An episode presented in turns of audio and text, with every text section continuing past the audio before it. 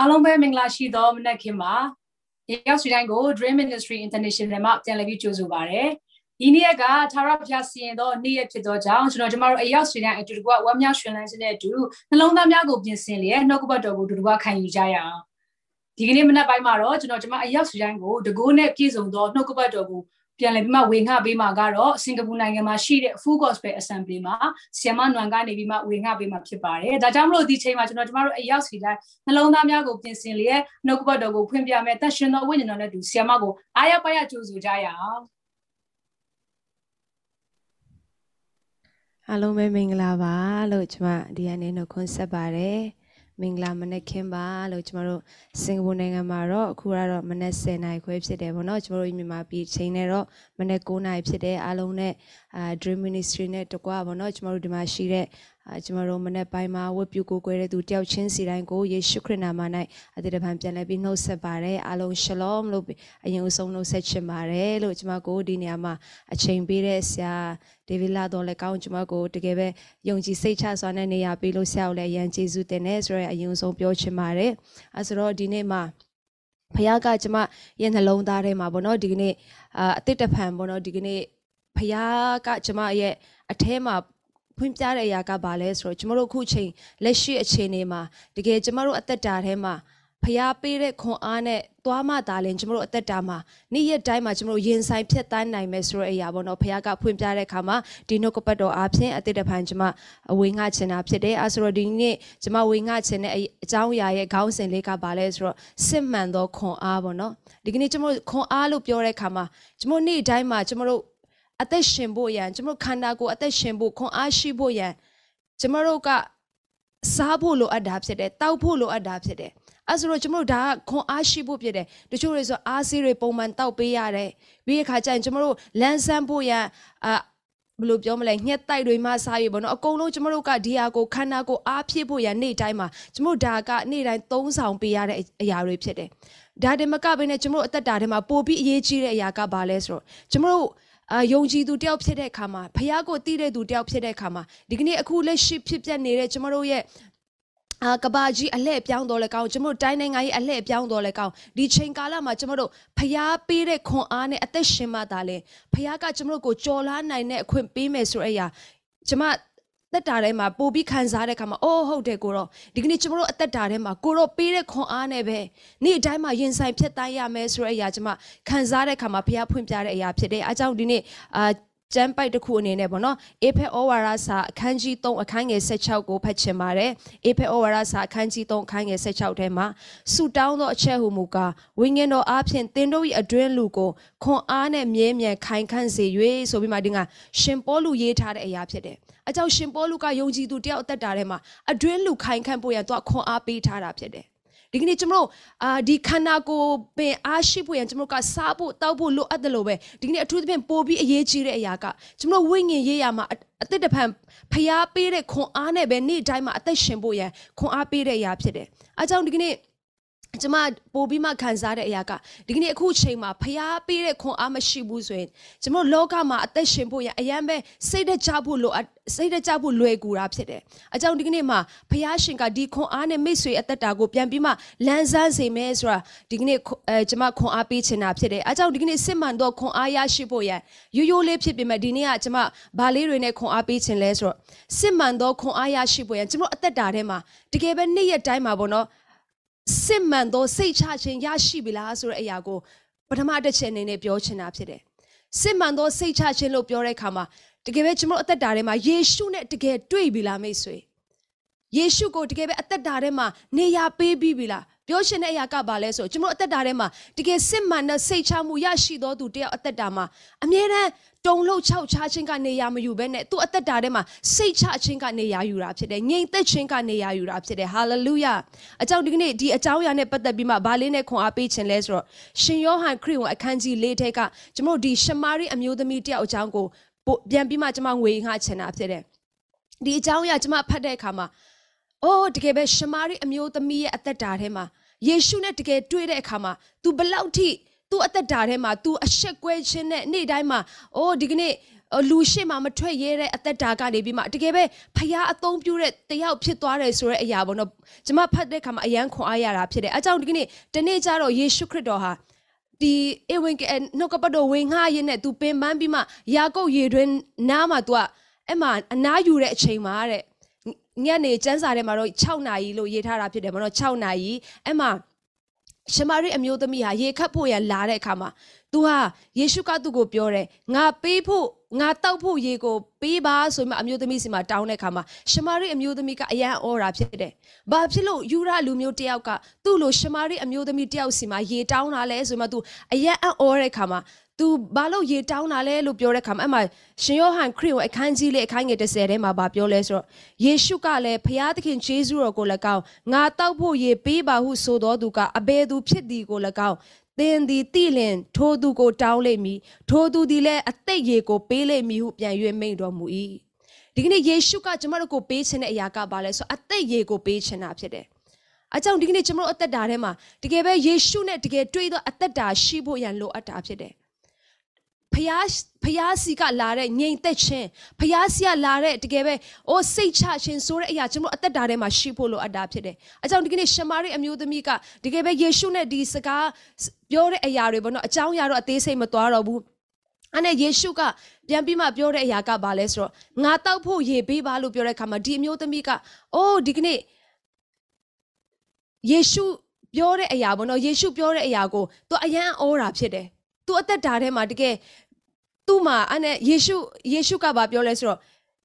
အခန်းငယ်53 14ထဲမှာဗာဖတ်ချင်လဲဆိုတော့ယေရှုကလည်းဤရေကိုတောက်တော်သူဒီနောက်တစ်ဖန်ရေငတ်အောင်မိတယ်ပြောစင်တာကအဲ့ရေတွင်းကသူတို့ဘိုးဘွားခစ်ကြတဲ့ကတောက်နေကြရေဖြစ်တယ်အဲ့ဆိုတော့ယေရှုစီမှာအမျိုးသမီးအံ့ဩတဲ့ຢာကဘာလဲဆိုတော့ယေရှုစီမှာရေခတ်စရာလည်းမရှိဘဲနဲ့ဘယ်ကနေရေရမလဲ သူကိုဘလို့ရေပေးနိုင်မလဲလို့ပြောတဲ့အခါမှာဆက်ပြီးမှယေရှုပြောတဲ့အခါငါပေးသောရေကိုတောက်တော်သူမူကရေငတ်ခြင်းနဲ့အစင်မပြတ်ကင်းလွတ်မယ်အဲ့ဆိုဒီမျိုးသမီးကတရားကိုကြားတဲ့အခါမှာသူ့ဘဝမှာရေခတ်ဆရာမလို့ပဲနဲ့ဒီတောက်ဆရာမလို့ပဲနဲ့ဒီရေရမယ်ဆိုရင် तू ဘလောက်ဝမ်းတာမလဲအကြောင်းငါပေးသောရေသည်ထိုသူ၌ထာဝရအသက်ရှင်ခြင်းလုံးကထွက်သောဆိုင်းရေတွင်ဖြစ်လိမ့်မည်ဟုယေရှုမိန့်တော်မူတယ်။အကြောင်းဒီမျိုးသမီးကဒီရေကိုအယံလိုချင်တာဖြစ်တယ်။ तू သူများ သူများနဲ့အတူမသွားရဲပဲနဲ့သူဟာသူပဲတယောက်တည်းရေခတ်ဖို့ရန်သွားနေတဲ့အချိန်တွေကိုသူကမလိုချင်တော့ဘူးဖြစ်တယ်။အကြောင်းဒီကနေ့ယေရှုပေးတဲ့ရေကိုသူကလိုချင်တယ်။တောက်ချင်လာတာဖြစ်တယ်။အကြောင်းဒီကနေ့ယေရှုကိုတဖြည်းဖြည်းနဲ့အသူသိမြင်လာတဲ့အရာသင်ကအစပြီးအခါကျန်ဆရာပြီးအခါကျန် prophet နောက်ဆုံးမှသူကမေရှိယဖြစ်ကြောင်းကိုတည်သွားတာဖြစ်တယ်။ဟာလေလုယာအကြောင်းဒီကနေ့ယေရှုနဲ့တကယ်တွေ့ဖို့ရန်ဒီကနေ့စစ်မှန်သောစိတ်ချမှုရရှိဖို့ရန်ဒီကနေ့မိတ်ဆွေနဲ့ကျွန်တော်အသက်တာထဲမှာပြန်လည်ပြီးမှစိန်ခေါ်ရှင်တာဖြစ်တယ် ဒီထဲမှာရှိသောသူတွေအားလုံးရအာစိတ်ချမှုရပြီးသားဖြစ်ကောင်းဖြစ်လိမ့်မယ်ဒါပေမဲ့ကိုယ့်ရဲ့အတိမိတ်ဆွေဖြစ်ဖြစ်တယောက်ယောက်ကမရှိသေးဘူးဆိုရင်တကယ်ယေရှုနဲ့တွေ့ဖို့ရန်လိုအပ်တာဖြစ်တယ်ဘာဖြစ်လို့လဲဆိုတော့ဒီကနေ့စစ်မှန်သောခွန်အားကဘေးကနေလာလဲဆိုတော့ကျွန်မဒီဟာနဲ့တဖြည်းဖြည်းနဲ့ဝင်ငှချင်တာဖြစ်တယ်ဒီကနေ့ယေရှုနဲ့တွေ့တဲ့အခါမှာ तू ကတကယ်ပဲသူ့ရဲ့အသက်တာမှာပြောင်းလဲခြင်း तू အရှက်ရခြင်းတဲကနေပြီးမှ तू ဟာအရှက်မရတော့ဘဲနဲ့အော်သူ့ကိုတီးတဲ့သူသူ့ရဲ့အားနည်းချက်ကိုတီးတဲ့သူသူ့ရဲ့အရှက်ကိုအရှက်ရအရှက် ဘယ်လိုပြောမလဲသူ့ရဲ့အာဒီကနေ့အာ ယောက်ျားအများကြီးနဲ့နေခဲ့တဲ့အမျိုးသမီးတယောက်လူတွေရှေ့မှာမသွားရတဲ့လူတယောက်ကတကယ်ပဲလူတွေရှေ့မှာသွားပြီးမှဘုရားရဲ့နှုတ်ကပတ်တော်ဝေငှဖို့ရန်သွားရတဲ့သူတယောက်ဖြစ်သွားတယ်ဆိုတာသူအသက်တာပြောင်းလဲခြင်းတွေအများကြီးရှိသွားတာဖြစ်တယ်ဟာလေလုယာအကြောင်းဒီကနေ့ယေရှုကဘောနော်ဒီအမျိုးသမီးရဲ့အသက်တာကိုပြောင်းလဲစေတယ်လို့ပဲဒီကနေ့ကျမယုံကြည်တယ်ဒီအမျိုးသမီးကဒီကနေ့ဘုရားအထဲမှာသူရှိတဲ့ခါမှာတကယ်စိတ်ချခြင်းရရှိတယ်လို့ပဲဒီကနေ့မိတ်ဆွေနဲ့ကျွန်တော်ယေရှုနဲ့တကယ်တွေ့ဖို့ရန်ဒီကနေ့ပြန်လဲပြီးမှစိန်ခေါ်ခြင်းတာဖြစ်တယ် ဒီနေ့စစ်မှန်သောစိတ်ချခြင်းရရှိတဲ့အခါမှာယေရှုကဆက်ပြီးမှဒီရှင်ယောဟန်ခန်းကြီးလေးထဲမှာဗာပြောလဲဆိုတော့ဒီကနေ့ကိုးကွယ်ခြင်းနဲ့ပတ်သက်ပြီးမှပြန်လည်ပြီးမှဒီအမျိုးသမီးစီမှာပြန်လည်ပြီးမှယေရှုပြောပြတဲ့အရာတွေဖြစ်တယ်။အကြောင်းစစ်မှန်တဲ့စိတ်ချခြင်းကကျွန်တော်အသက်တာထဲမှာဘာစည်းစဲလာစေဘာစီးစင်လာစေတယ်လဲဆိုတော့စစ်မှန်တဲ့ဂိုးကွယ်ခြင်းဆိုတဲ့အရာစီးစင်စေတာဖြစ်တယ်ဟာလေလုယာစစ်မှန်တဲ့ဂိုးကွယ်ခြင်းဆိုတာကဘာလဲဆိုတော့အချိန်နဲ့အတိုင်းမှာဖခင်ကိုချီးမွမ်းနိုင်တော်သူဖြစ်တယ်ကောင်းစားတဲ့အချိန်တစ်ခုပဲမဟုတ်ဘူး ခက်ခဲတဲ့အချိန်မှတော့လည်းကောင်းအချိန်တွေတိုင်းမှာဖခင်ကိုချီးမွမ်းတော်သူကစစ်မှန်သောကိုးကွယ်တော်သူဖြစ်တယ်အာမင်အကြောင်းဒီကနေ့အမျိုးသမီးကမေးတယ်ကိုရောနောင်ကာလအခါမှာကိုရောကိုဘယ်မှာကိုးကွယ်ရမလဲဒီကနေ့ဗိမာန်တော်ထဲမှာကိုးကွယ်ရမလားဂျေရုရှလင်မြို့မှာကိုးကွယ်ရမလားလို့မေးတဲ့အခါမှာဒီကနေ့နောက်တစ်ခုကပါလဲဆိုတော့စစ်မှန်သောကိုးကွယ်ခြင်းရှေးယောဟန်ခရစ်ဝင်အခန်းကြီးလေးအခန်းငယ်23နဲ့24ထဲမှာဗာပြောလဲဆိုတော့ကိုးကွယ်သောသူမှန်သမျှတို့သည်ခမည်းတော်ကိုနံဝိငင်နဲ့၎င်းတစ္ဆာနဲ့၎င်းကိုးကွယ်ရမည် အကြောင်းမူကားထိုတို့ကိုးကွယ်သောသူတို့ကိုခမေးတော်သည်အလိုရှိတော်မူ၏တဲ့ဖျားသခင်သည်နံဝိငင်ဖြစ်တော်မူ၏ဖျားသခင်ကိုကိုးကွယ်သောသူတို့သည်နံဝိငင်နဲ့၎င်းတစ္ဆာနဲ့၎င်းကိုးကွယ်ရမယ်တဲ့ဟာလေလုယာအကြောင်းဒီကနေ့အာဒီစစ်မှန်သောကိုးကွယ်သောသူကိုဖျားကဒီကနေ့အင်္ဂလိပ်ကျမ်းစာထဲမှာဒီမှာတော့အလိုရှိတယ်လို့ပြောတာအင်္ဂလိပ်ကျမ်းစာထဲမှာ for they are the kind of worshipper the father seeks တဲ့ ဖျားသခင်ကထိုတို့ကိုးကွယ်တော်သူကိုဖျားကလိုက်ရှာတယ်လို့ပြောတာဖြစ်တယ်။အကြောင်းဒီကနေ့ကျွန်တော်အသက်တာထဲမှာစစ်မှန်သောစိတ်ချမှုရရှိမှသာလဲဒီစစ်မှန်တဲ့ကိုးကွယ်ခြင်းဆိုတာလိုက်လာမှာဖြစ်တယ်။ထိုရာကဘာလဲဆိုအထေးကနေကျွန်တော်ရရှိတဲ့ငြိမ်သက်ခြင်းကြောင့်ဖြစ်တယ်။အချင်းဒီတိုင်းမှာကိုးကွယ်ဖို့ဆိုတာကကျွန်တော်ငြိမ်သက်ခြင်းမရှိမကိုးကွယ်နိုင်ဘူးအချင်းတွေကကျွန်တော်ကိုပြန်လဲပြီးမှလွှမ်းမိုးတာဖြစ်တယ်။စိုးရိမ်မှုတွေကကျွန်တော်ကိုခြောက်လန့်တာဖြစ်တယ်။ ပြီးအခါချင်းကောင်းစားတဲ့အချိန်မှာဖះကိုမေ့တက်တာဖြစ်တယ်။ဒါပေမဲ့တကယ်စစ်မှန်တဲ့စိတ်ချမှုရတော့သူအသက်တာမှာပါလဲဆိုတော့ဖះကိုအချိန်လေးတိုင်းမှာကိုးကွယ်နိုင်တာဖြစ်တယ်။ ဖះကိုနှလုံးသားအကျွမ်းမဲ့နဲ့ကိုးကွယ်နိုင်တာဖြစ်တယ်။ထို့တော့သောကိုးကွယ်သောသူကိုဖះသခင်ကလိုက်ရှာတယ်လို့ပြောတာဖြစ်တယ်။အကြောင်းဒီကနေ့ဆက်ပြီးမှခွန်အားပေးခြင်းတဲ့ຢာကပါလဲဆိုတော့ထို့သောကိုးကွယ်သောသူကိုဖះကလိုက်ရှာတဲ့ခါမှာဒီကနေ့ကျွန်မအယမ်းနှစ်သက်တဲ့ကျမ်းစာထဲမှာဒါဝိမင်းကြီးကိုဖះကတွေ့တာဖြစ်တယ်။ဟာလေလုယာ။အကြောင်းဒီကနေ့တမန်တော်ဝတ္ထုအခန်းကြီး73အခန်းငယ်7ထဲမှာအခန်းကြီး တမန်တော်ဝတ္ထုအခန်းကြီး73အခန်းငယ်20ထဲမှာနောက်မှထိုသူကိုပယ်၍ဣသေလရှင်ဘရင်အရာ၌ဒါဝိဒ်ကိုချီးမြှောက်တော်မူ၏ထိုသူအားတက်သေးခံတော်မူလဲစိတ်နှလုံး၌စိတ်နှလုံး၌ညီညွတ်သည်ဖြစ်၍ငါအလိုကိုပြည့်စုံစေမိသူယေရှဲဤသားဒါဝိဒ်ကိုငါတွေ့ရပြီဟုမိန့်တော်မူ၏တဲ့ကျန်တဲ့ကျမ်းစာထဲမှာငါဤစိတ်နဲ့တွေ့တော်သူအင်္ဂလိပ်ကျမ်းစာထဲမှာလဲ a man after god own heart ဘောနော်ဒီကနေ့ဒါကိုကျွန်မဖတ်တဲ့အခါမှာ ငါရဲ့စိတ်နှလုံးနဲ့ညီညွတ်တော်သူဖခင်ကထိုကဲ့သို့တော်သူကိုလိုက်ရှာတဲ့အခါမှာဒါဝိမြင့်ကြီးဟာကျမဒါဝိမြင့်ကြီးချောင်းကိုကျမတို့အားလုံးလည်းငငယ်ဂရက်ကအလွတ်ရတာဖြစ်တယ်ဒါပေမဲ့ဒီချောင်းရကိုပြန်ပြီးမှဆင်ခြင်တဲ့အခါမှာဒါဝိမြင့်ကြီးဟာဆိုရင်တကယ်ပဲဖခင်ရဲ့နှလုံးသားနဲ့ညီညွတ်တော်သူဖြစ်တယ်စဉ်းစားကြည့်မယ်ဆိုရင်သူ့အဖေသား၈ယောက်ရှိတဲ့ထဲမှာအငယ်ဆုံးသောသားဖြစ်တယ်ကျမမိသားစုထဲမှာအငယ်ဆုံးကိုအရန်ဦးစားပေးကြတယ်ကျမမိသားစုထဲမှာလည်းရှိတယ်အကြီးတွေကအလုံးလုံးရတယ်ဒါပေမဲ့အငယ်ဆုံးကအရန်ကို तू က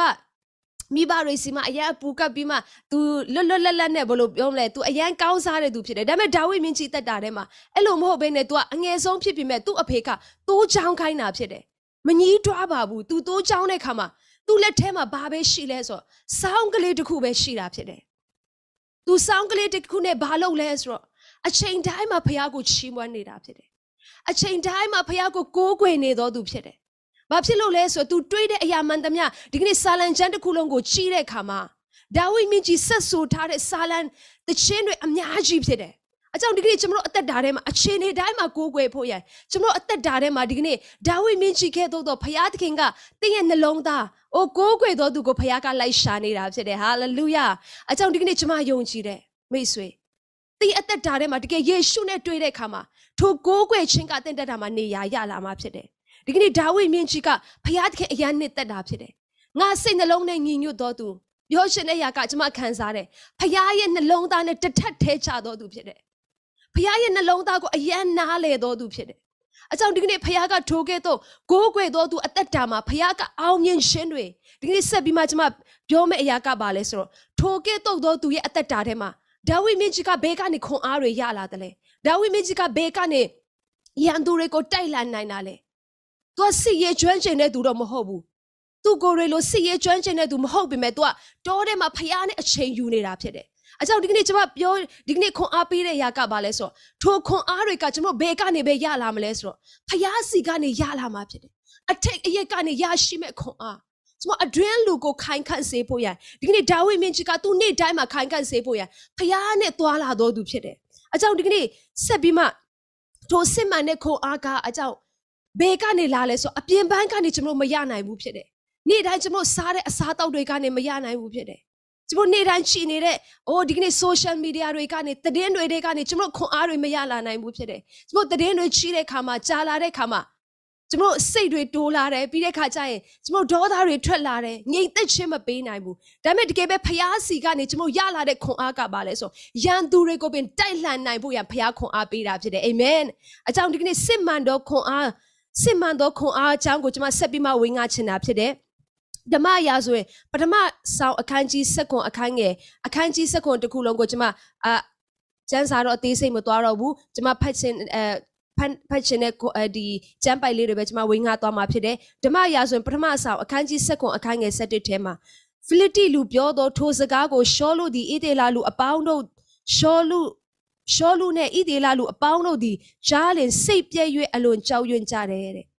ဒီကနေ့ဣသေလရှောလူနဲ့ဣသေလလူတွေကဖိလိတိလူတွေကိုတိုက်ဖို့သွားတဲ့အခါမှာအဲ့မှာဖိလိတိလူဘက်ကနေပြီးမှဂေါလျက်ဆိုတဲ့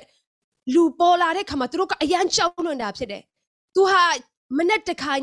ညတခါအမြဲတမ်းချိန်ချောက်နေတာဖြစ်တယ်။အဲဆိုတော့ဒီရန်သူရဲ့6လက်ချင်းရန်သူရဲ့ဒီ6လက်ချင်းကိုဒီရှောလူနဲ့ဣတိလာတွေကအရန်ကြောက်ရွံ့နေတာဖြစ်တယ်။အဲ့ချိန်မှာဒါဝိဒ်ကဘာပြောလဲဆိုတော့ အခန်းကြီး7ခွန်30နဲ့35တွဲမှာဗာပြောလဲဆိုတော့ဒါဝိဒ်ကလည်းထိုလူကြောင့်အဘယ်သူမျှစိတ်မပြတ်ပါစေနဲ့ဒီကနေ့ဒါဝိဒ်ကလေးကသူ့ကိုယ်တွေကိုအစာသွားဖို့ဖို့သွားတဲ့ခါမှာဒီအကြောင်းအရာတွေသူကြားတဲ့ခါမှာအိုး तू ကအရန်စိတ်ထဲမှာအရန်ဒေါသထွက်တာဖြစ်တယ်ဒီဖိလိတိလူအယေပြားလီချင်းမခံတဲ့လူကဘာလို့ဒီငါတို့ရဲ့ဖရားပေါ့နော်ငါတို့အသက်ရှင်တဲ့ချင်းမြတ်တဲ့ဖရားကိုဘာလို့စိန်ခေါ်ရလဲဆိုမှ तू ဟာတကယ်ပဲအแทမှာတကယ်ဖရားပေးတဲ့ခွန်အားနဲ့ तू ကပြန်ပြီးမှ ရင်ဆိုင်ဖို့ရ तू အစင်သစ်ဖြစ်နေတော့လူငယ်လေးဖြစ်တယ်အကြောင်းဒီကနေ့ဖရားပေးတဲ့ခွန်အားကကျွန်တော်တို့ကိုရင်ဆိုင်နိုင်ဖို့တတိကိုပေးมาဖြစ်တယ်အာမင်အခုကျွန်မမိတ်ဆွေမိသားစုအတွက်သင်ပါရင်ဆိုင်နေရလဲမိသားစုအတွက်သင်၆လက်နေတဲ့အရာကပါလဲသင်ကိုစိုးရင်စိုးရိမ်မှုပေးနေတဲ့အရာနေ့တိုင်းမှာတင့်ကိုအိုးဒီကနေ့စိုးရိမ်စေတဲ့အရာပင်ပန်းစေတဲ့အရာကဘာလဲဒီကနေ့ဖခင်အထက်မှာအသက်အသက်တပံခွန်အားယူပါ ဖခင်ကဒီကနေ့ဒါဝိမင်းကြီးဟာလူတိုင်းကြောက်ရွံ့နေတဲ့အရာကို तू မကြောက်ဘူးဆိုတာကဘာလဲဆိုတော့ तू အထက်မှာဖခင်ပေးတဲ့ခွန်အားရှိလို့ဖြစ်တယ် तू ဖခင်နဲ့တွာလာတဲ့ခါမှာထိုခွန်အားနဲ့ तू ရင်ဆိုင်နိုင်တယ်ဘာလို့ဆိုတော့ तू ရဲ့ဒီအဘရဲ့တိုးတွေကို तू ထိန်းချောင်းတဲ့ခါမှာဒီရှောလူကို तू ပြောတဲ့အရာကဘာလဲဆိုတော့ရှောလူက तू ဒါဝိကိုပြောတယ်နင်ဟိုဗာလဲသင်ဟာလူငယ်လေးဖြစ်တယ် ဒီလူကြီးကိုသင်မတိုက်နိုင်ဘာလို့လဲဆိုတော့ရှောလူကတီးတဲ့အရာကဒီဂေါလက်ဟာဆိုရင်သူငယ်ရွယ်တဲ့အချိန်မှစ၍စစ်ရေးကျွမ်းကျင်တဲ့သူဖြစ်တယ်တဲ့သင်ဟာလူငယ်လေးဖြစ်တယ်မတိုက်နိုင်ဘူးလို့ဒါဝိဒ်ကိုပြောတဲ့အခါမှာဒါဝိဒ်ကသူဘာပြန်ပြောလဲဆိုတော့သူဟာအဘရဲ့တိုးတွေကိုထိန်းတဲ့အခါမှာတဲ့တိုးတွေကိုချင်းသိတို့ဝင်ပလွေတို့ကြိုက်စားဖို့လာတဲ့ခါမှာတိုးတွေကိုသူတို့ရဲ့ပါဇက်ထဲကနေသူအဖျဲပြီးမှအဲ့ပါဇက်ထဲကနေကင်းထုတ်တယ်လို့ပြောတာဖြစ်တယ် အကြောင်းဒီကနေ့ထိုကဲ့သို့သောခွန်အားကိုဖခင်ကဒါဝိဒ်ကိုပေးတဲ့ခါမှာဒါဝိဒ်ဟာတကယ်ပဲအိုး तू तू ဖခင်ပေးတဲ့ခွန်အားနဲ့ဒီလူကိုရင်ဆိုင်နိုင်မယ်ဆိုမှ तू ရှောလူကိုပြောခဲ့တာဖြစ်တယ်အကြောင်းဒီကနေ့ကျွန်တော်တို့အသက်တာထဲမှာစစ်မှန်တဲ့ခွန်အားကအပြင်ကနေမလာနိုင်ဘူးမိတ်ဆွေဖခင်ကတင်းရဲ့အထဲကနေဒီကနေ့ထိုခွန်အားတိုက်ဒီကနေ့အိုးရင်ဆိုင်နိုင်ဖို့ခွန်အားကိုဖခင်ရှင်ကတင်ကိုပေးမှာဖြစ်တယ်အာမင်အကြောင်းဒီကနေ့ယုံကြည်တယ်မိတ်ဆွေ နေ့အတိုင်းမှာကျွန်တော်တို့ကိုအိုးဒီကနေ့အခုလောကကြီးမှာဖြစ်ပျက်နေတဲ့အရာတွေကျွန်တော်ယောဂတွေဖြစ်မလား။အိုးဒီနေ့အထူးသဖြင့်မြန်မာပြည်မှာဆိုရင်ကျွန်တော်ရင်ဆိုင်နိုင်တဲ့အရာကသူများနဲ့လည်းမတူပါဘူး။ဒါပေမဲ့ကျွန်မဖះကိုတကယ်ယုံကြည်တဲ့အရာကဘာလဲဆိုကိုရောဒီကနေ့ကိုရောကပဲကျွန်တော်ကိုအောင်မြင်ခြင်းပေးမှာဖြစ်တယ်။ဘာလို့လဲဆိုကျွန်တော်ယုံကြည်သူတယောက်ချင်းစီတိုင်းတကယ်ပဲဖះနဲ့တွာလာတဲ့ခါမှာထိုဖះပေးတဲ့ခွန်အားနဲ့ကျွန်တော်ဒီကနေ့ရင်ဆိုင်နိုင်မယ်ဆိုကျွန်မအထူးယုံကြည်တာဖြစ်တယ်။အကြောင်းဒီကနေ့ စစ်မာနဲ့ခွန်အားကကျွန်မအတွင်းကနေလာတာဖြစ်တယ်အဲကြောင့်ဒီရှောလူကဒါဝိဒ်ကိုဗာပြောလဲဆိုတော့အခန်းဓမ္မရာဆိုရင်ပထမဆောင်အခန်းကြီး7ခွန်38နဲ့39မှာဗာပြောလဲဆိုတော့အာအကုန်မဖတ်တော့ဘဲနဲ့နောက်မှာဗာလဲဆိုတော့ရှောလူရှောလူကဒါဝိဒ်ကိုသူ့ရဲ့စစ်ဝတ်ဒီဝတ်ဆောင်ကိုသူဝတ်ဝတ်ဖို့ရန်တော့ဒါဝိဒ်ကလေးကိုသူပေးတာဖြစ်တယ်အဲ့နဲ့ဒါဝိဒ်ကဒါဝိဒ်ဖြေတဲ့အရာကနောက်ပိုင်းမှာဆိုတော့ဖြစ်၍ဒါဝိဒ်က ဤလက်နဲ့တုံးနဲ့ကျွန်တော်မသွားနိုင်ပါမစုံစမ်းပါသေးဟုရှောလူအားရှောက်ရချွတ်ပြန်လေ၏ဒါဝိဒ်ကောင်းကောင်းသိတဲ့အရာကဘာလဲဆိုသူ့ကိုအောင်မြင်ခြင်းပေးမဲ့အရာကသူ့ကိုခွန်အားပေးမဲ့အရာကဒီအပြင်ပန်းမှာဝတ်စင်တဲ့အဝတ်စားတွေဒီစစ်လက်နဲ့ဝတ်စုံတွေမဟုတ်ဘဲနဲ့အိုးဒီကနေ့ဖျားပေးတဲ့အတွင်းလူကနေပြီးမှ तू ဟာရင်ဆိုင်နိုင်မယ်ဆိုတာ तू ကောင်းကောင်းသိတဲ့ခါမှာရှောလူကိုပြောလိုက်တာဖြစ်တယ်ဟာလေလုယာအကြောင်းဒီကနေ့ကျွန်တော်တို့အသက်တာထဲမှာမိတ်ဆွေ ဒီကနေ့ဖခင်ရှင်ကတင်ကိုအောင်မြင်ခြင်းပေးမှာဖြစ်တယ်မိတ်ဆွေနဲ့ကျွန်တော်ကိုအတိတ်တပံအောင်မြင်ခြင်းပေးမှာဖြစ်တယ်ယုံကြည်ပါဒီကနေ့ကျွန်တော်လူပိုင်းလူရဲ့ခွန်အားနဲ့တော့လုံးဝမဖြစ်နိုင်တာသေချာနေတယ်အဲ့ဒါကြောင့်ဒီကနေ့ကျွန်တော်ဖခင်ကိုအားကိုးဖို့ရန်လိုအပ်တာဖြစ်တယ်ဖဖျားပေးတဲ့ခွန်အားနဲ့နေ့ရက်တိုင်းမှာရက်တည်ဖို့ရန်လိုအပ်တာဖြစ်တယ်မဟုတ်ဘူးဆိုရင်ကျွန်တော်ကအိုးဒီကနေ့စိတ်ပြက်ပြီးမှတော်တော်များများလူတွေကအခုချိန်မှာလူငယ်တော်တော်များများဟာဆိုရင် စိတ်တက်ကြတယ်ကျမမလည်းမောင်နှမတွေရှိတယ်ကျမရဲ့ညီမတွေလည်းရှိတာဖြစ်တယ်နေ့တိုင်းမှာသူတို့ဘာတွေစဉ်းစားနေလဲဘာတွေစဉ်းစားနေတယ်လဲဆိုတော့သူတို့အသက်တာထဲမှာဒီကနေ့သူတို့ကအိုးကြောင်းတက်ဖို့ရန်ဒီအတွေမရှိတော့တဲ့ခါမှာသူတို့အယမ်းပဲစိတ်သက်ချနေတာဖြစ်တယ်။အကြောင်းဒီကနေ့ဖျားပေးတဲ့ခွန်အားကတင့်ကိုရင်ဆိုင်နိုင်ဖို့ရန်ကြော်လွှားနိုင်ဖို့ရန်ဒီကနေ့ခွန်အားပေးမှာဖြစ်တယ်။အာမင်။အကြောင်းဒီကနေ့ကျမတို့ကိုအောင်မြင်ခြင်းပေးမဲ့အရာကဘာလဲဆိုတော့ ဒီကနေ့နောက်ဆုံးအနေနဲ့ဘာလဲဆိုကျမတို့ကိုခွန်အားပေးမဲ့အရာအောင်မြင်ခြင်းပေးမဲ့အရာကကျမတို့ကိုရင်ဆိုင်နိုင်စေမဲ့အရာကဘာလဲဆိုတော့ဒီကနေ့ဓမ္မရာဆိုရင်ပထမဆုံးအခန်းကြီး7ခွန်အခန်းငယ်40ထဲမှာဒါဝိဒ်ဟာဆိုရင်ဒီယောဒီဂေါလက်ကြီးကိုရင်ဆိုင်ဖို့ရန်သူဘာလေးကောက်လဲဆိုတော့ ကြောက်ခဲငါးလုံးချောသောကြောက်ငါးလုံးကို तू ကကောက်တယ်လို့ဒီကျမ်းစာထဲမှာရေးထားတာဖြစ်တယ်ဒီကြောက်ခဲငါးလုံးကိုကျမကပြန်ပြီးမှအိုးကိုရောဘာလို့ငါးလုံးကိုကောက်တာလဲဆိုမှကျမအာဒီကျန်းစာထဲမှာတော့လေကောင်းဒီကဆရာတော်တော်များများဟိုဟောကြားတဲ့အရာသူဂေါလက်ကညီကို9ယောက်ရှိသေးလို့ဖြစ်တယ်ဆိုတဲ့အရာတွေသူတို့ပြောတဲ့အရာဟိုကြားဘူးတယ်ဒါပေမဲ့ကျမစိတ်ထဲမှာကိုရောဘာကြောင့်လဲဆိုမှကျမပြန်ပြီးမှဆင်ခြင်တဲ့ခါမှာဒီကနေ့အာ ဓမ္မရာဇဝင်အခန်းကြီးပထမဆောင်အခန်းကြီး45 50ခွန်ထဲမှာဗာပြောလဲဆိုတော့ဒါဝိဒ်ကတင်းဒီဂိုလက်ကိုပြောတယ်ဒါဝိဒ်ကတင်ဒီဒါလန်ဒန်ဂိတုံပါလဲငါထန်သုံးလာ၏ငါသည်တင်ချင်းပတော်ဣဒီလဘိုချီတို့ဖျားသခင်ကောင်းကင်ဘိုချေထာဝရဖျားဤနာမတော်ပါလဲတင်ရှိရတို့လာတယ်တဲ့ဒီကနေ့ကျွန်တော်တို့ကိုအောင်မြင်ခြင်းပေးမဲ့အရာကပါလဲဆိုတော့ဖျားသခင်ရဲ့နာမတော်နာမတော်လို့ပြောတဲ့ခါမှာ ဒီကနေ့ဟေရှာယထဲမှာယေရှုခရစ်တော်အာလောကမှာဆင်းကြွလာဖို့ရဟေရှာယ prophet ပြုတဲ့အရာကပါလဲဆိုတော့ဟေရှာယ6:6ထဲမှာအကြောင်းမူကားငါတို့အဖို့သူငယ်ကိုဖွားမြင်၏ငါတို့အားသားကိုတနာတော်မူ၏ထိုသူသည်အုပ်ဆိုးခြင်းအာနာဆက်ရှိလိမ့်မည်နာမတော်မူကားအံ့ဩဖွယ်တိုင်ပင်ဘက်တကိုးချီသောဖျားသခင်ထာဝရအဖငြိမ်သက်ခြင်းရှင်နာမတော်ကဘာလဲဆိုတော့ အံ့ဩဖွယ်တိုင်ပင်ဘက်တကိုးချီသောဖထာဝရအဖငြိမ်သက်ခြင်းရှင်ဒီကနေ့ငါဆိုတဲ့အရာကဘာပုံဆောင်လဲဆိုတော့ဖခင်ရဲ့ဂျေဇုတော်ကိုပုံဆောင်တာဖြစ်တယ်။အကြောင်းဒီကနေ့ဒါဝိဒ်က तू ကဘာနဲ့လာလဲဆိုတော့ဖခင်ရဲ့နာမတော်ဂျေဇုတော်နဲ့လာတာဖြစ်တယ်။ဂျေဇုတော်ဆိုတဲ့အရာကဘာလဲဆိုယေရှုကိုယ်တိုင်ကိုပုံဆောင်တာဖြစ်တယ်။ယေရှုကဂျေဇုတော်ဖြစ်တယ်ဟာလေလုယာအကြောင်းဒီကနေ့ယေရှုရဲ့နာမအဖြစ်ဖခင်သခင်ရဲ့နာမအဖြစ် तू ကတိုက်နိုင်မယ်ဆိုတော့ယုံကြည်ခြင်းနဲ့ तू သွားတဲ့ခါမှာ ကိုလက်ကိုပါပြောလဲဆိုထာဝရဘုရားသည်ဒန်လန်တန်တာအဖြစ်ကဲတင်တော်မူမူကြောင်းကိုဤပရိသတ်တို့သည်သိရကြလိမ့်မည်အကြောင်းမူကားထာဝရဘုရားသည်စစ်မှုကိုပိုင်၍ငါတို့လက်သို့အနံ့မီဟုဖိလိတိလူအားဆို၏တဲ့အကြောင်းဒီကနေ့ဂိုဒါဝိတ်ကလေးကပါ तू က तू ဖခင်ရဲ့နာမအဖြစ် သူဒီကြောက်ခဲငါးလုံးအဖြစ်လာတဲ့ခါမှာဘုရားရဲ့ခြေဆုတော်သူယေရှုခရစ်တော်အဖြစ်သူဟာအနိုင်ရမယ်ဆိုတာသူအထဲမှာကောင်းကောင်းသိနေတာဖြစ်တယ်အာမင်အကြောင်းဒီကနေ့ချမ်းတဲ့ပုဂ္ဂိုလ်တွေကဘာပြောလဲဆိုတော့ဒါဝိဒ်ဟာတဲ့ဓမ္မခေါင်းခေတ်မှာနေပြီမဲ့ခြေဆုတော်ကိုအပြည့်အဝနားလေတော်သူဖြစ်တယ်ခြေဆုတော်နဲ့သွားတော်သူဖြစ်တယ်ဝိညာဉ်တော်ကိုဖက်ရန်တော်သူဖြစ်တယ်အကြောင်းဒီကနေ့သူရင်ဆိုင်ပြီးမှဒီကနေ့အိုသူ့ရဲ့ကြောက်ခဲကိုလွဲလိုက်တဲ့အခါမှာဂိုလက်ကဒီကနေ့အိုသူမှောက်လက်နဲ့ဆုံးရှုံးခြင်းရတာဖြစ်တယ်အာမင်အတောင်ဒီကနေ့ကျွန်တော်တို့အသက်တာထဲမှာထိုစစ်မှန်တဲ့ခွန်အားစစ်မှန်တဲ့အောင်မြင်ခြင်းကိုဖခင်ကကျွန်တော်တို့ဒီအတွင်းလူ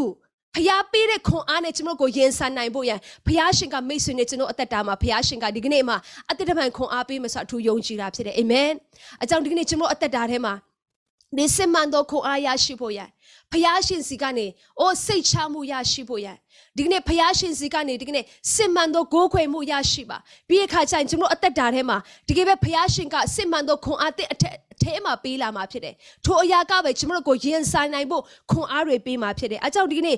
ဖိလိပ္ပိဩဝါဒစာအခန်းကြီးလေးအခန်းငယ်73ထဲမှာကျွန်တော်အလွတ်ရနေတဲ့ကျမ်းပိုက်ဖြစ်တယ် I can do all things through Christ who strengthen me ငါကိုခွန်အားနဲ့ပြည့်စုံစေတော်မူသောခရစ်တော်အားဖြင့်ခတ်သိမ်းသောအမှုတို့ကိုငါတက်ဆွမ်းနိုင်တယ်။ဒီကနေ့ကျွန်တော်တို့ကိုအောင်မြင်ခြင်းပေးမဲ့ကျွန်တော်ကိုရင်ဆိုင်စေမဲ့နေ့ရက်တိုင်းမှာကျွန်တော်ကိုအိုးဒီကနေ့ခြေလန်းတွေတဖြည်းဖြည်းနဲ့ရင်ဆိုင်စေမဲ့အရာကဘာလဲဆိုတော့ယေရှုခရစ်တော်အားဖြင့်ပဲဖြစ်တယ်မိတ်ဆွေ။ဖခင်ရဲ့ခြေဆုတော်ထိုယေရှုအားဖြင့်ဖခင်ရဲ့နာမတော်အားဖြင့်ဖြစ်တယ်။သူဟာအံ့ဩဖွယ်ဖြစ်တယ်။တိုင်ပင်ဘက်ဖြစ်တယ် ကျွန်တော်အသက်တာထဲမှာထိုအရာအဖြစ်ကျွန်တော်ကိုအောင်မြင်ခြင်းပေးမယ်ဆိုတော့ဒီကနေ့ခွန်အားပေးခြင်းတာဖြစ်တယ်အာမင်အကြောင်းဒီကနေ့ဒီမှာရှိတဲ့တယောက်ချင်းစီတိုင်းကျွန်တော်ဖခင်ကိုမျှော်လင့်ရအောင်ကျွန်တော်အသက်တာထဲမှာဖခင်ကိုမျှော်လင့်ရအောင်ကျွန်တော်အသက်တာထဲမှာတကယ်ပဲအိုးဒီကနေ့စစ်မှန်တဲ့စိတ်ချမှုနေ့တိုင်းမှာဖခင်ရှင်ကတင့်ကိုအိုးဒီကနေ့အဲဝေဝါးနေတဲ့သူများရှင် တကယ်ပဲဖခင်ရှင်ကတင့်ကိုငြိမ်သက်ခြင်းပေးဖို့ရန်ဒီကနေ့ယေရှုနဲ့တကယ်တွေ့တော်သူအသက်တာဖြစ်ဖို့ရန်ခွန်အားပေးခြင်းနဲ့နောက်တစ်ခုအထိုအရာကပဲကျွန်တော်ကိုစစ်မှန်တဲ့ကိုးကွယ်ခြင်းထိုကိုးကွယ်ခြင်းတွေကနေဖခင်ရှင်ကအိုးစစ်မှန်တဲ့ခွန်အားတွေတကိုပေးมาဖြစ်တယ်ပြီးတဲ့ခါကျရင်တည့်အသက်တာထဲမှာအိုးအောင်မြင်ခြင်းတွေကျွန်တော်တိုင်းနိုင်ငံမှာရင်ဆိုင်ရမှာဖြစ်တယ်အားကြောင့်ဒီကနေ့ကျွန်မယုံကြည်တယ်နောက်ဆုံးအနေနဲ့ကျွန်မခွန်အားပေးခြင်းတဲ့အရာတက်သေးခံခြင်းနဲ့ကျွန်မအဆုံးသက်ခြင်းတဲ့အရာကဘာလဲဆိုတော့ကျွန်မတို့အသက်တာထဲကျွန်မအသက်တာထဲမှာပေါ့နော် ကျွန်မကအာအရင်တော့ကဆိုရင်ပေါ့နော်ကျွန်မဒီ2015 16တော့မှာဆိုရင်ကျွန်မခန္ဓာကိုယ်အရန်ပိန်ညောင်တာဖြစ်တယ်ပိန်ပြီးမှကျွန်မလူတိုင်းကကျွန်မကိုစကားပြောတဲ့အခါမှာနေမကောင်းဘူးလားတစ်ချိန်လုံးလာမေးတယ်ပေါ့နော်နေမကောင်းဘူးလားပြီးတဲ့ခါကျရင်အိုးဒီကနေ့ဘာဖြစ်တာလဲအမျိုးမျိုးပေါ့နော်လာမေးတဲ့ခါမှာကိုယ့်တက်တာထဲမှာအဲ့လိုတစ်ချိန်လုံးလာမေးတဲ့ခါမှာကိုကလည်းဒီဘယ်လိုပြောမလဲစိတ်ပိုင်းဆိုင်ရာမှာထိထိခိုက်လာတယ်ပေါ့နော်။အော်ငါနေမကောင်းဖြစ်တာလား။ဘာဖြစ်တာလဲမသိဘူးဆိုမှဒီကနေ့အဲ့လိုဖြစ်နေအဲ့မှာဘာဖြစ်လဲဆိုတော့ကျမကအားစီအမြဲတမ်းပုံမှန်တောက်တော်သူဖြစ်တယ်။ကျမစိတ်ထဲမှာဘာတခုရှိလဲဆိုတော့ကျမအားစီတောက်ရင်အားရှိမယ်။ကျမအားစေးတောက်မှပဲဒီခွန်အားရှိမယ်ဆိုမှကျမအချားကြီးပဲကျမစေးပုံမှန်တောက်တာဖြစ်တယ်အဲ့လိုတောက်တဲ့အခါမှာဆရာကကျမကိုပြောတယ် ပုံမှန်အားစေးမတောင်းနဲ့တော့ကျမကိုပြောတယ်ဗောနော်ကျမကမရဘူးဒီအားစေးတောက်မှပဲကျမခွန်အားရှိမယ်ဆိုပြီးမှကျမကဒီဒီစိတ်ထဲမှာဗောနော်ဆွဲသွားတာဖြစ်တယ်အားနဲ့ကျမဖះနဲ့တဖြည်းဖြည်းနဲ့သွားလာတဲ့အခါမှာငါရဲ့ခွန်အားကဘယ်ကနေတကယ်ရလာတာလဲဒီအကြောင်းအရာကကျမအသက်တာထဲမှာတကယ်ဖះကကျမကိုနားလေစေတဲ့အရာကျမကိုကျမကိုခွန်အားပေးတဲ့အရာကဘယ်သူလဲဆိုတာကျမနားလေသဘောပေါက် တဲ့အရာအကြောင်းအရာလေးဖြစ်တယ်အကြောင်းဒီကနေ့ဒါကိုကျမသဘောပေါက်တဲ့အခါမှာအချားကြီးပဲနှစ်နဲ့ချီပြီးပါကျမဒီဆေးကိုလုံးဝမတောက်ဘဲနဲ့မနေနိုင်ဘူးပေါ့နော်အဲ့နဲ့ဖခင်ကကျမအထဲမှာစိတ်ချမှုပေးလာတဲ့အခါမှာဆရာကိုပြောလိုက်တယ်ဆရာဒီဆေးမတောက်တော့ဘူးပေါ့နော်ကျမလုံးဝမတောက်တော့ဘူးဆိုမှကျမနားလိုက်တဲ့အချိန်ကစပြီးပေါ့နော်ကျမခန္ဓာကိုယ်ဟာလည်းတဖြည်းဖြည်းနဲ့ပြည့်လာတာဖြစ်တယ်ကျမအားစေးတောက်တဲ့အချိန်မှာအစာတော့စားပါတယ်အဲ့လောက်ထိစားချင်တဲ့စိတ်တွေမရှိဘူးပေါ့နော်အဲ့နဲ့လူတိုင်းကလည်းမေးခွန်းမေးတဲ့အရာကနေမကောင်းဘူးလား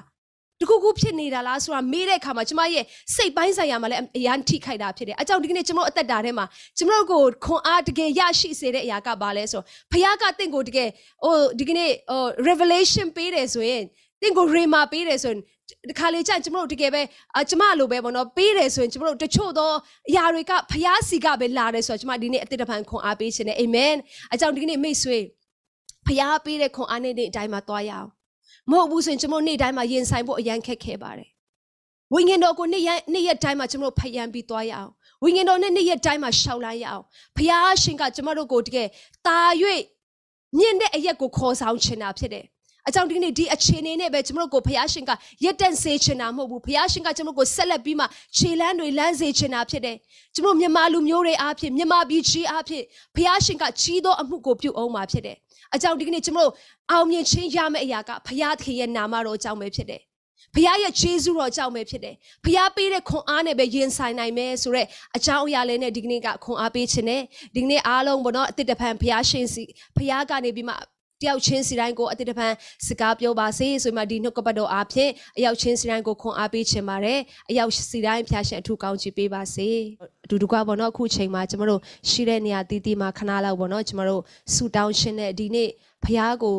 ဒီကနေ့မျှော်လင့်ရအောင်ကျွန်တော်မိသားစုရဲ့အခြေအနေတော်၎င်းကျွန်တော်ရဲ့အသက်တာထဲမှာတချို့သောလူငယ်တွေရှိပါလိမ့်မယ်။တင်းရဲ့အနာဂတ်တွေအိုးဒီကနေ့ဘယ်လိုလုပ်ရမှန်းမသိတဲ့သူတွေများစွာရှိပါလိမ့်မယ်။ဒီကနေ့ဒီနှုတ်ကပတ်တော်အားဖြင့်ဘုရားရှင်ကတင့်ကိုအသက်တပံခွန်အားပေးလဲအိုးဒီကနေ့နေ့တိုင်းမှာတင့်ကိုစိုးရင်ခြင်းတွေခြောက်လန့်တဲ့အရာတွေမှအစ၍အိုးနေ့တိုင်းမှာတင့်ကိုအမြဲတမ်း ရင်မဆိုင်နိုင်အောင်ကျွန်တော်တို့ကိုအမြဲတမ်းကျွန်တော်တို့ကို၆လန့်တဲ့အရာထဲကနေဖះရှင်ဖះနဲ့သွာလာပါလို့ဒီနေ့ခွန်အားပေးခြင်းနဲ့ဒီနေ့အထဲမှာတင်စိတ်ချမှုတကယ်ရရှိပြီဆိုရင်အခြေအနေတိုင်းမှာမိတ်ဆွေကိုးကွယ်နိုင်မှာဖြစ်တယ်အခြေအနေတိုင်းမှာဖះနဲ့သွားနိုင်မှာဖြစ်တယ်ထိုရာကပဲကျွန်တော်တို့ကိုနေ့တိုင်းမှာရင်ဆိုင်ဖို့ရန်ခွန်အားပေးမှာဖြစ်တယ်အကြောင်းဒီနေ့ရှိတဲ့နေရာတီးတီးမှာခဏလောက်ဆူတောင်းရအောင်ဒီနေ့ကိုရောဒီနေ့ကျွန်တော်ကိုအသက်တပံခွန်အားပေးပါ ဒီကနေ့ရင်ဆိုင်နိုင်ဖို့ခွန်အားကိုတော့ပေးပါဆိုပြီးမှဒီကနေ့ဖခင်ရှင်ကကျွန်တော်ကိုအောင်မြင်ခြင်းပေးမှာဖြစ်တယ်အကြောင်းယုံကြည်ခြင်းနဲ့အတူတကွခဏလောက်ဆုတောင်းရအောင်လို့ hallelujah ဖခင်ကိုတော့ကိုယေရှုတင်တယ်ဒီကနေ့ကိုတော့ရှင်ဖဖခင်ဒီမှာ dream ministry မှာဒီကနေ့ကိုတော့ဝိညာဉ်အဆောက်အိုးဒီကနေ့ဖဖခင် တကယ်ပဲပါဝင်တဲ့သူတယောက်ချင်းစီတိုင်းကိုတော့အထူးကောင်းချီးပေးတော်မူပါဒီကနေ့ကိုတော့ကိုယုံကြည်ပါတယ်ဒီကနေ့သားသမီးတို့ကိုတော့ယေရှုကိုရတဲ့ရတော်သူတယောက်ချင်းစီတိုင်းအသက်တာဟာတကယ်ပဲစင်မှန်သောစိတ်ချမှုနဲ့အိုးနေ့ရက်တိုင်းမှာတမတို့ကိုခေါ်ဆောင်มาဖြစ်တော့ကြောင့်ယေရှုတင်တယ်အိုးနေ့ရက်တိုင်းမှာကိုတော့ကိုကိုးကွယ်နိုင်တော်သူနေ့ရက်တိုင်းမှာကိုတော့နဲ့သွာလာတော်သားသမီးတယောက်ချင်းစီတိုင်းဖြစ်ဖို့ရန်ဒီမှာအိုးဒီကနေ့တယောက်ချင်းစီတိုင်းကိုအထူးကောင်းချီးပေးတော်မူပါအိုးဘုရားကိုရှင်ပါဘုရားကိုကိုယုံကြည်ပါတယ်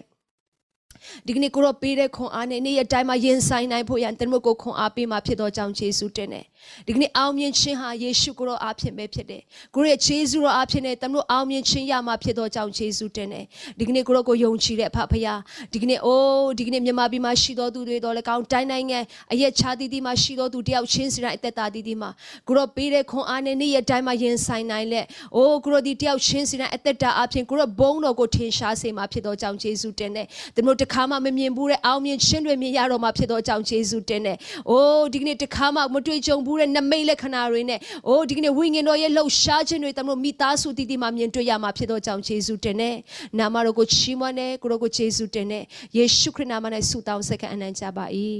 အာမင်အာမင်အလုံးပေါ်ဖျားရှင်ထူကောင်းချီးပေးပါစေအာမင်